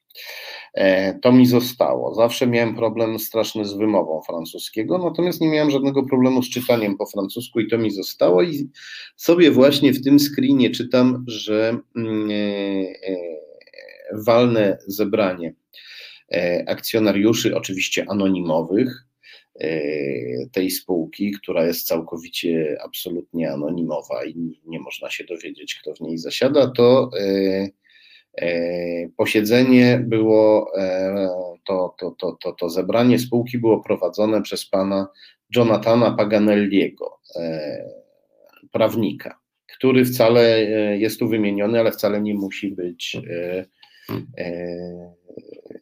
członkiem spółki, on e, może być po prostu wynajętym profesjonalistą, który daje swoją twarz spółce w tych aktach, wynajętym prawnikiem i e, e, podpisuje, firmuje papiery po to, żeby e, dać całej sprawie jakiś e, pozór legalności. Ja nie do końca wierzę w to, że legalność może się wiązać z aż tak wielką nietransparentnością. E, inna rzecz, że tego rodzaju praktyki są stosowane w biznesie od dawna. To nie jest, e, to nie jest, to nie jest rzecz nowa. No i postanowiłem sprawdzić, kim jest pan Jonathan Paganelli. Skoro e, Kalinowski współpracuje z Komosą, a Komosa współpracuje ze spółką zarządzaną czy też reprezentowaną przez e, Paganelliego w Luksemburgu, no to zobaczmy, kim w tym łańcuszku jest pan Paganelli. I do tego za chwilę wrócimy, ale ja spróbuję się może napić tej herbaty. Nie, nie palę, więc nie mogę powiedzieć, że idę na papierosa, ale może to lepiej, bo gardło lepiej odpocznie, e, kiedy się e, napije herbaty, niż gdybym palił papierosa. Zróbmy sobie trzy minutki e, przerwy, a potem się dowiemy, skąd się wziął pan Paganelli. Reset Obywatelski działa dzięki Twojemu wsparciu. Znajdź nas na zrzutka.pl. Słuchasz Resetu Obywatelskiego. I wracamy do naszych baranów, czyli do naszych screenów. E, nie chcę przez to powiedzieć, że baranami moglibyśmy być my, aczkolwiek bywamy strzyżeni, dojeni i czasem też prowadzeni na rzeź, niestety, e, wtedy, kiedy jesteśmy pasywni wtedy, kiedy jesteśmy bierni, wracamy do e, naszego bohatera Tomasza Kalinowskiego, a właściwie do e, bohatera, jakim się stał przez chwilę jego bliski współpracownik w firmie Ostoja Południa, Jan e, Komosa. Jan Komosa był wspólnikiem luksemburskiej spółki CG, CG Finance SA, zarządzanej przez niejakiego Jonathana Paganelliego, Jonathana, chyba tak to trzeba wymawiać, chociaż po francusku to pewnie byłoby Jonathan, e, Jonathana Paganelliego. Sprawdziłem, kim on jest i w związku z tym poproszę o następny e, screen, live numer 1, ilustracja numer 14, Komosa, Luksemburg, Paganelli, LinkedIn. E, dowiadujemy się, że e, Paganelli pracował e, między innymi w międzynarodowej firmie CMS Legal Services i w Fortress Investment Group. Co to za spółki? Poproszę o następny screen. E, to jest e, live numer 1, ilustracja numer 15, Komosa Paganelli, CMS Moskwa, 2008, 100, 130 prawników, 16 lat doświadczenia. To jest cała długa nazwa tego e, screenu, no bo chciałem, żeby w nazwie było wszystko to, co jest w nim ważne, to jest informacja z, z oficjalnej strony firmy CMS, w której pracował Paganelli. Informacji ze strony 2008 roku czytamy, że CMS pracuje pełną parą, jak to się kiedyś mówiło, pełną parą, czyli z wielkim wykopem pracuje w Rosji. Ma, zatrudnia tam ponad 130 prawników, ma 22 oficjalnych partnerów i ma 16 lat doświadczenia na rosyjskim rynku. 16 lat w 2008 to znaczy, że w 1992 roku się tam pojawili, kiedy firmy z zachodu albo e, bały się w Rosji pojawiać, albo przyjeżdżały tam, żeby szybko Rosję okraść przy pomocy e, rosyjskich gangsterów, oligarchów i agentów rosyjskich służb specjalnych, którzy wtedy się e, bogacili. Dopiero potem zaczęli odbudowywać potęgę potęgę Rosji. To jest ciekawa informacja, ale można by ją zignorować, no bo okej, okay, no sobie popracował przez chwilę w firmie mocno związanej z Rosją, zdarzyło mu się, ale e, przejdźmy do e, innej e, firmy, w której pracował Paganelli, do firmy Fortress Investment, Fortress Investment Group i to jest firma, o której amerykański dziennikarz obywatelski Brian Moore pisze, że e, jest e, blisko związana z Donaldem Trumpem, blisko związana z Rosją. E, Fortress Group Fortress, Fortress Group robiło interesy z Donaldem Trumpem i z jego zięciem. Fortress e, Group również e, inwestowało w firmę Jurija Milnera. Jurija Milnera Digital Sky Technology e, Group. Ta firma Jurija Milnera osiągnęła wartość 4 miliardów dolarów po tym, jak została dofinansowana 180 milionami E, przez chińskiego giganta gier komputerowych firmę Tencent. To jest firma godna naszej uwagi, ten Tencent, firma Tencent.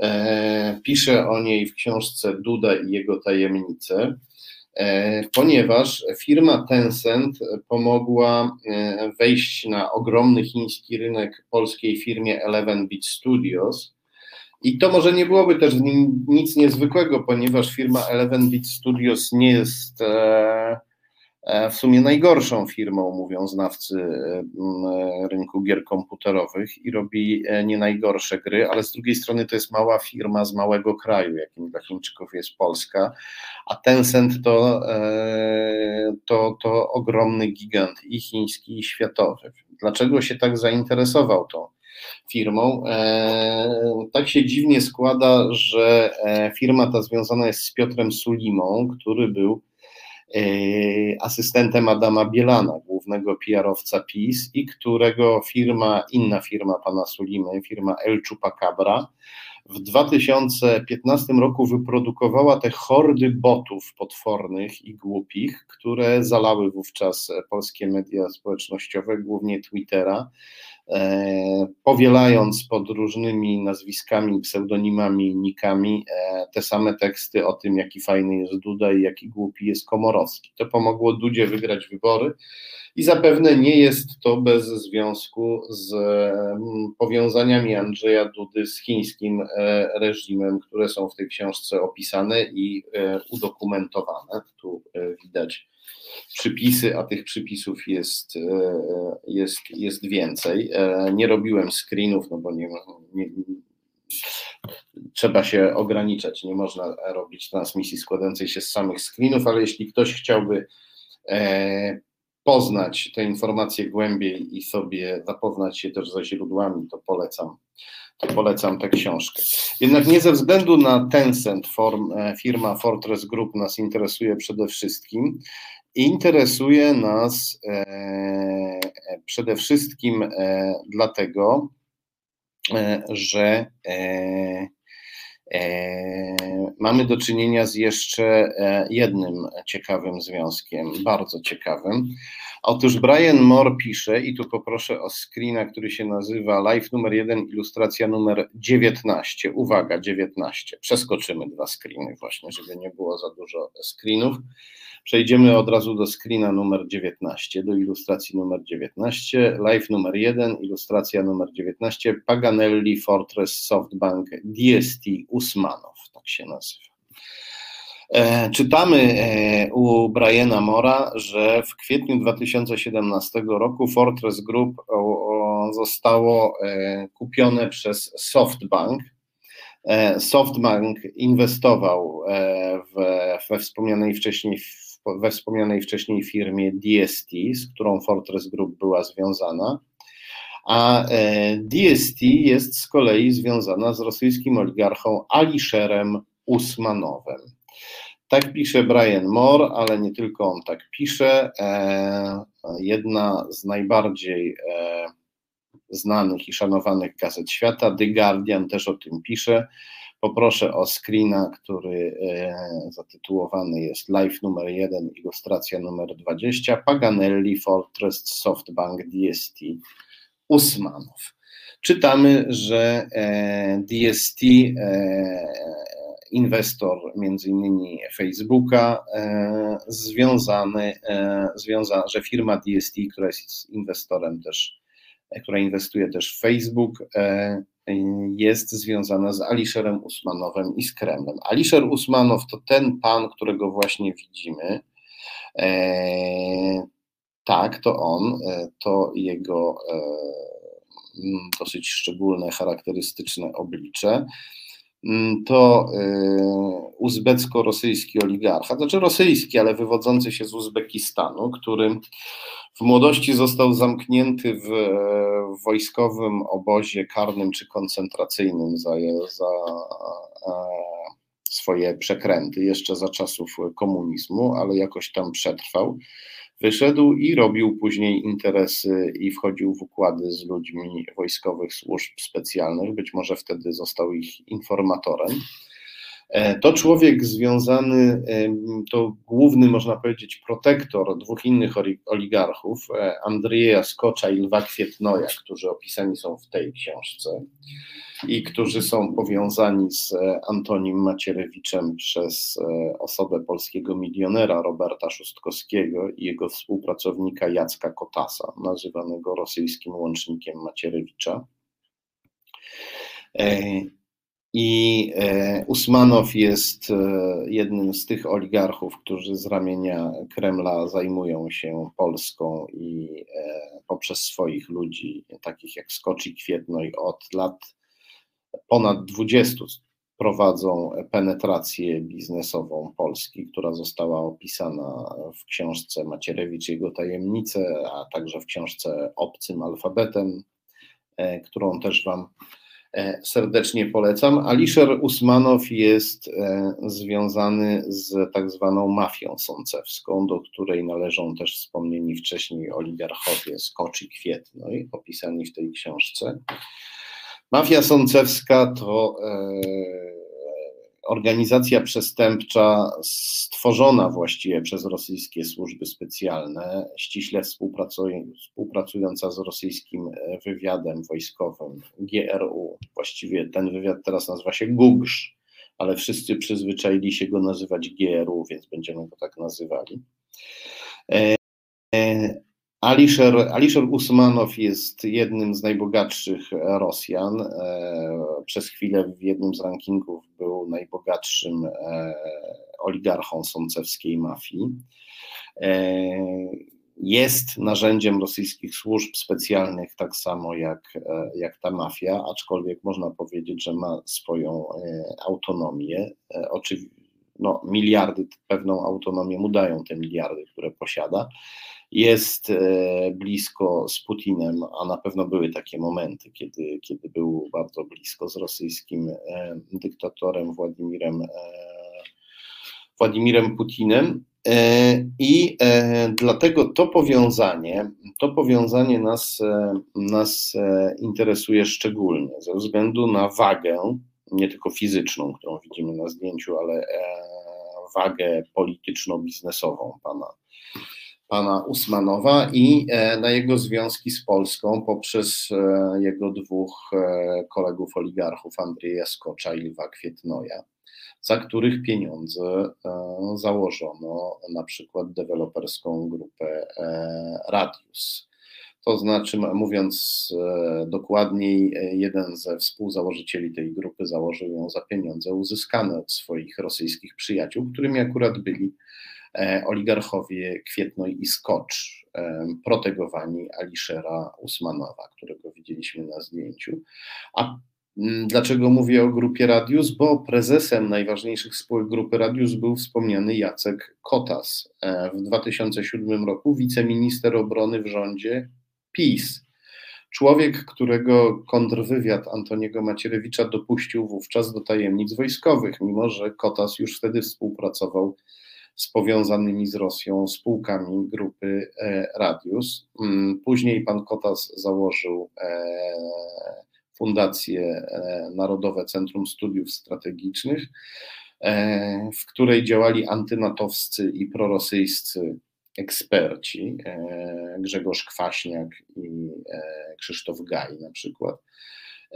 I Macierewicz tych ekspertów wziął do MON. Powierzył im tworzenie tak zwanej obrony terytorialnej, chociaż Krzysztof Gaj, obarczony tym zadaniem, E, publicznie popierał Putina i twierdził, że popiera jego działania na Ukrainie, agresję Putina na, na Ukrainie. To są szokujące rzeczy i dlatego nas e, tak e, e interesuje pan Usmanow. Również pod kątem innych, e, innych e, powiązań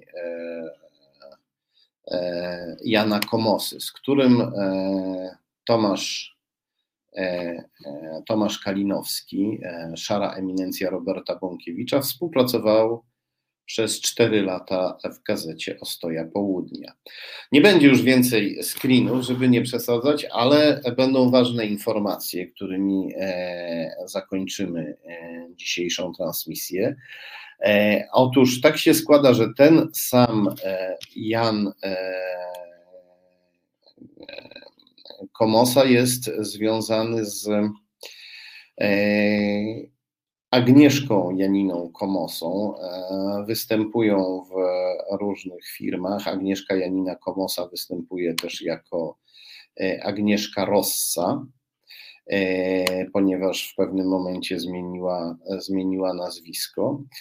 I e, Agnieszka Janina Komosa e, z kolei współpracowała na przykład w spółce Komosa Ślotała Bednarski Godziuk z Marcinem Ślotałą, a Marcin Ślotała z kolei związany jest e, z dużą ilością różnych, różnych firm ale Marcin Ślotała zatrudniał także żonę byłego ministra Wiesława Kaczmarka. On twierdzi, że jej nie zatrudniał, tylko z nią współpracował.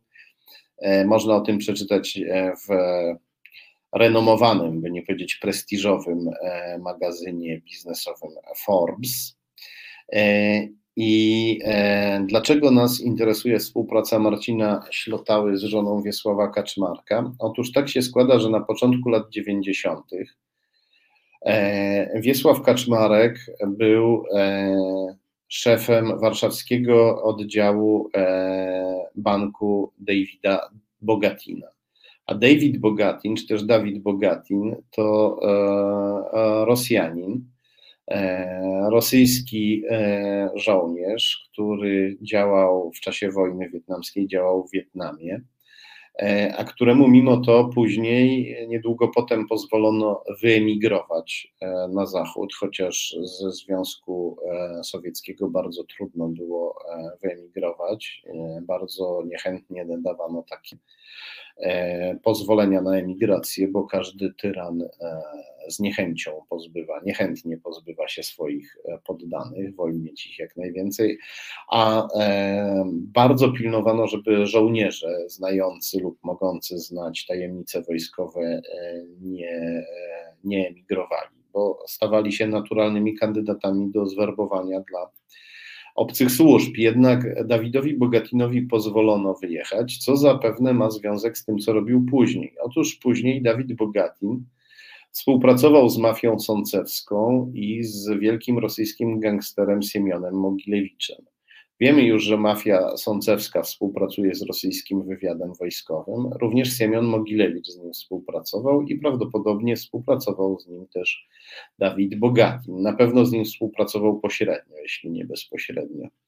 E, Bogatin nagle pod koniec lat 80. wrócił do bloku komunistycznego, ale nie do Związku Sowieckiego, tylko do Polski. W Polsce założył w Lublinie bank który okazał się piramidą finansową e, i splajtował, a e, mm, szefem warszawskiego oddziału tego E, banku związanego z rosyjską mafią i powiązanego z rosyjskimi służbami specjalnymi był Wiesław Kaczmarek, który wprowadzał Bogatina na, wcześniej na warszawskie salony i bez którego wsparcia Bogatin prawdopodobnie nie zrobiłby tego przekrętu. E, mafia sącewska, przypomnę, e, wśród swoich prominentnych przedstawicieli ma również Aliszera Usmanowa, którego widzieliśmy wcześniej na obrazku. Więc takie są e, powiązania pana Komosy, z którym e, Tomasz e,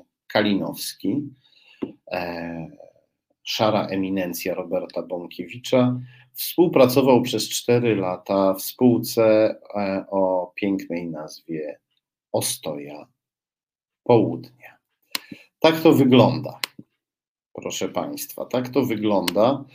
E, tak to wygląda, kiedy e, zajrzymy do Krajowego e, Rejestru Sądowego, a sprawdzimy też rejestry biznesowe w innych, w innych krajach. Tego rodzaju, na tego rodzaju powiązania trafiamy niemal zawsze, kiedy zaczynamy się interesować przedstawicielami, ważnymi przedstawicielami Konfederacji i najbardziej ultraprawicowej, ultraprawicy, ale często takie e, powiązania znajdujemy też w przypadku e, członków PiS, a szczególnie e, liderów tego ugrupowania, takich jak Mateusz Morawiecki czy Antoni, czy Antoni Macierewicz. To, co to znaczy? Niektóre z tych powiązań oczywiście mogą być przypadkowe, E, jednak należy pamiętać, że, że chociaż one są pośrednie i często mamy do czynienia z takimi łańcuszkami, tak jak tutaj mieliśmy do czynienia z łańcuszkiem e, Kalinowski, Komosa, Paganelli, e, Usmanow albo z łańcuszkiem Kalinowski, Komosa, Ślotała, Wiesław Kaczmarek. To e, tego rodzaju powiązania są e, w naszej obecnej rzeczywistości, bywają bardzo istotne, ponieważ e, nikt teraz, mało jest w tej chwili, jeśli chodzi o tworzenie sieci wpływu, to mało jest powiązań bezpośrednich, prostych. To nie są czasy Jamesa Bonda, zresztą James Bond jest postacią filmową, tak naprawdę czasów Jamesa Bonda nigdy nie było. To nie jest tak, że złapiemy kogoś, jak dostaje e, z rąk samego Putina walizkę dolarów. E, mm, e, robi się te wszystkie rzeczy, o których mówię, tworzy się te sieci wpływów w sposób półjawny. Aby dobrze oddziaływać na społeczeństwo, na które chce się wpłynąć, trzeba mieć tych sieci dużo, więc nie da się, szczególnie teraz, kiedy śledztwa drogą elektroniczną są łatwiejsze, nie da się ich całkowicie zamaskować. Raczej trzeba robić tak, żeby one były, mimo że widoczne, to żeby wydawały się przypadkowe. I dlatego tworzy się e, łańcuszki firm, dlatego służby posługują się mafią, mafia posługuje się biznesem, a biznes posługuje się, e, posługuje się politykami. E, bywają oczywiście powiązania przypadkowe, świat jest pełen przypadków. Jak oddzielić powiązania przypadkowe od nieprzypadkowych? Trzeba przede wszystkim przyjrzeć się powiązaniu, czy ono było długotrwałe, czy ono wiązało się z jakąś dużą korzyścią dla osób, które w nim uczestniczyły, albo odwrotnie, czy wiązało się z dużym ryzykiem dla jednego lub e, wszystkich? e, uczestników tego powiązania, a mimo to ktoś w takim powiązaniu trwał, nie zrywał go, choć było ryzykowne. To też znaczy, że to powiązanie było dla tego kogoś, dla tego kogoś e, ważne. Pan Ślotała na przykład musiał się tłumaczyć magazynowi Forbes ze swoich związków z żoną Wiesława Kaczmarka, a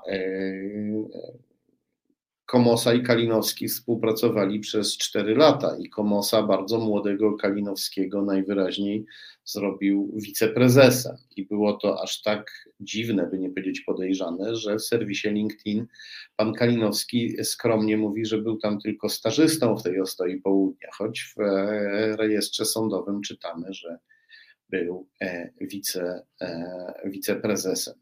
Na mm, takie rzeczy trzeba zwracać uwagę. My tu, ta audycja, ta transmisja, e, ten cykl transmisji, w którym uczestniczymy, nazywa się Dochodzenie Prawdy. Dochodzenie prawdy w tym sensie, tak, tak to nazwaliśmy, dochodzenie prawdy w tym sensie, że to jest dochodzenie, którego celem jest ujawnienie prawdy, ale też takie dochodzenie które to słowo oznacza, dochodzenie, to słowo oznacza, że przez cały czas tej prawdy trzeba dochodzić. Że to nie jest, nigdy nie będzie tak, że dojdziemy do całkowitej prawdy raz a dobrze. Przez cały czas będziemy musieli nieustannie szlifować nasze wiadomości i je pogłębiać. E, dlatego ta audycja nie nazywa się Dojście do Prawdy, tylko nazywa się e, Dochodzenie Prawdy, i e, w tym dochodzeniu do prawdy jest dochodzenie do prawdy. Dochodzenie, a nie dojście. Będziemy powiązania sto, członków Stowarzyszenia Roty Niepodległości nadal obserwować i badać. Będziemy badać samego Bąkiewicza, aczkolwiek jest on obiektem trudno badalnym co budzi podejrzenie, że nie jest e, jednak e, tylko prostym zbirem, e, choć tę jego twarz znamy najbardziej i i najlepiej.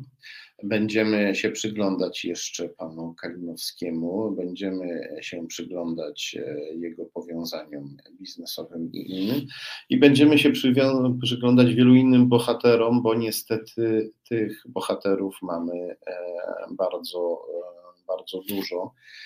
E, żyjemy w epoce e, szarości, jak już powiedziałem. Rzeczy są półjawne, półtajne i żyjemy też w epoce półzdrady, można tak powiedzieć. Bardzo wielu z naszych bohaterów nie ma wcale poczucia, że dokonuje jakiejś zdrady, że zdradza Polskę. Oni uważają, że Polska powinna być e, inna niż jest i że oni w imię tej innej, wymarzonej Polski, no trochę zdradzają tę rzeczywistą Polskę, ale skoro ta rzeczywista Polska w ich pojęciu jest zła, no to, to ją należy zdradzać, tak to sobie tłumaczą. Ich ulubionym słowem jest wielowektorowość. Twierdzą, że Polska powinna być wielowektorowa, a to ładnie brzmi, ale co to znaczy?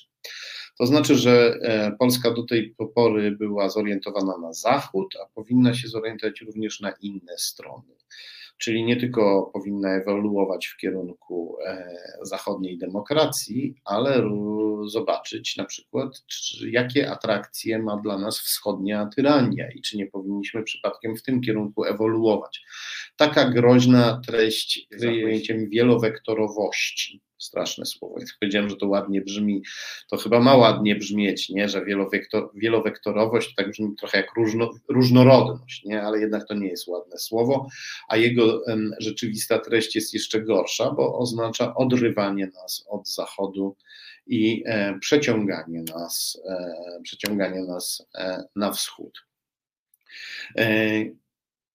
E, E, Szaman 035, nasz komentator, pisze: Panie Tomaszu, a może by się przyjrzeć Marcinowi roli i źródłom finansowania jego mediów? On twierdzi, że ludzie mu wpłacają 10 tysięcy złotych na miesiąc i z tego robi tę swoją, e, w cudzysłowie, telewizję. Tak, Marcin Rola e, jest postacią bardzo ciekawą, wzbudził moje zainteresowanie Kilka razy go zaczepiłem na Twitterze, żeby zobaczyć, jak zareaguje, zareagował głupio, nie jest to człowiek bardzo wyrafinowany, więc tym bardziej jego e, sukcesy, czy też rzekome sukcesy muszą e, wzbudzić zainteresowanie. No ale być może nie jest taki głupi, tylko dobrze udaje, to też zawsze się z tym trzeba liczyć.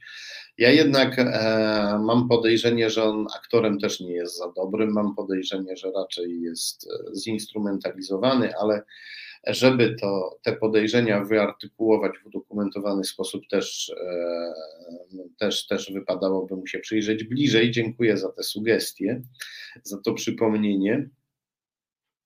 E, mm, komentator ja to ja pisze, cenię pana pracę, panie Piątek, ale jak dla mnie jest pan trochę stronniczy i na pana badania wpływają pana poglądy, ale i tak e, chętnie słucham. Czy jestem stronniczy? Zająłem się kilka razy osobami z obecnej, politykami z obecnej opozycji. Jednym z nich zająłem się szczególniej, trochę bardziej dogłębnie, ale w tej chwili po prostu całą moją uwagę E, absorbują politycy partii rządzącej, bo oni są u władzy, więc są najbardziej e, szkodliwi i e, nimi się trzeba zająć w pierwszej kolejności. Oczywiście, jeśli chodzi o poglądy, można powiedzieć, nie polityczno-partyjne, sympatie dla tej partii czy innej, ale poglądy ideowe, takie głębsze, to oczywiście mam. Jestem ewangelikiem reformowanym i jestem zwolennikiem cywilizacji Zachodu. Cywilizacji Zachodu, która stoi na e, chrześcijaństwie i, e, i przede wszystkim chrześcijaństwie e, zreformowanym, ewangelicznym, czyli które więc nie ma tu, tu od razu uspokajam, że nie mam na myśli katolicyzmu. Chrześcijaństwie opar, mówię o chrześcijaństwie opartym na miłości bliźniego i na tolerancji, także dla tych, którzy chrześcijanami nie są, także dla tych, którzy o chrześcijaństwie e, słyszeć nie chcą. Ja ich toleruję, akceptuję, a nawet dobrze rozumiem, ponieważ żyjemy w kraju, w którym zamiast jako chrześcijaństwo była nam przedstawiana taka dosyć potworna e, karykatura chrześcijaństwa, niewiele mająca z chrześcijaństwem wspólnego, czyli, e, czyli e, rzymski katolicyzm w polskim wydaniu. Mam nadzieję, że e, czas tej karykatury przemija. Mm, wyraźna rusofobia u pana Piątka, pisze Aleksander Kosior. Nie, rusofobia to jest strach i nienawiść wobec Rosjan, a ja e, Rosjanom bardzo współczuję. Rosjanie są pierwszymi ofiarami Kremla zawsze. I zwykle było tak, że, e, a w każdym razie były często w historii takie okresy, w których to Rosjanie najbardziej cierpieli e, z rąk swoich władców. Ja kulturę rosyjską uwielbiam i literaturę rosyjską bardzo dobrze, dobrze znam i mam nadzieję, że dożyję dnia, w którym e, demokratycznie wybrany prezydent Rosji opuści Kreml i zamieni tę twierdzę na muzeum, a sam zamieszka w jakimś skromniejszym budynku, żeby służyć swoim współobywatelom, swojemu wielkiemu krajowi o wielkiej kulturze, który mam nadzieję dołączy kiedyś do rodziny e, narodów demokratycznych. I tym optymistycznym akcentem kończymy się, ponieważ, e, przepraszam, żegnamy się, nie kończymy się, żegnamy się, ponieważ kończy się nasza transmisja. E, czas e, dobiega końca. Bardzo serdecznie Was pozdrawiam i e, dziękuję Wam wszystkim za komentarze, te gorące i te, i te zimne. Ważne, abyśmy gorący i zimni byli, nie bądźmy letni. To najważniejsze. Pozdrawiam bardzo i zapraszam za tydzień. Podobał Ci się ten program? Reset to medium obywatelskie, którego jedynymi sponsorami jesteście Wy, odbiorczynie i odbiorcy. Wesprzyj nas na zrzutka.pl i pomóż budować niezależne medium.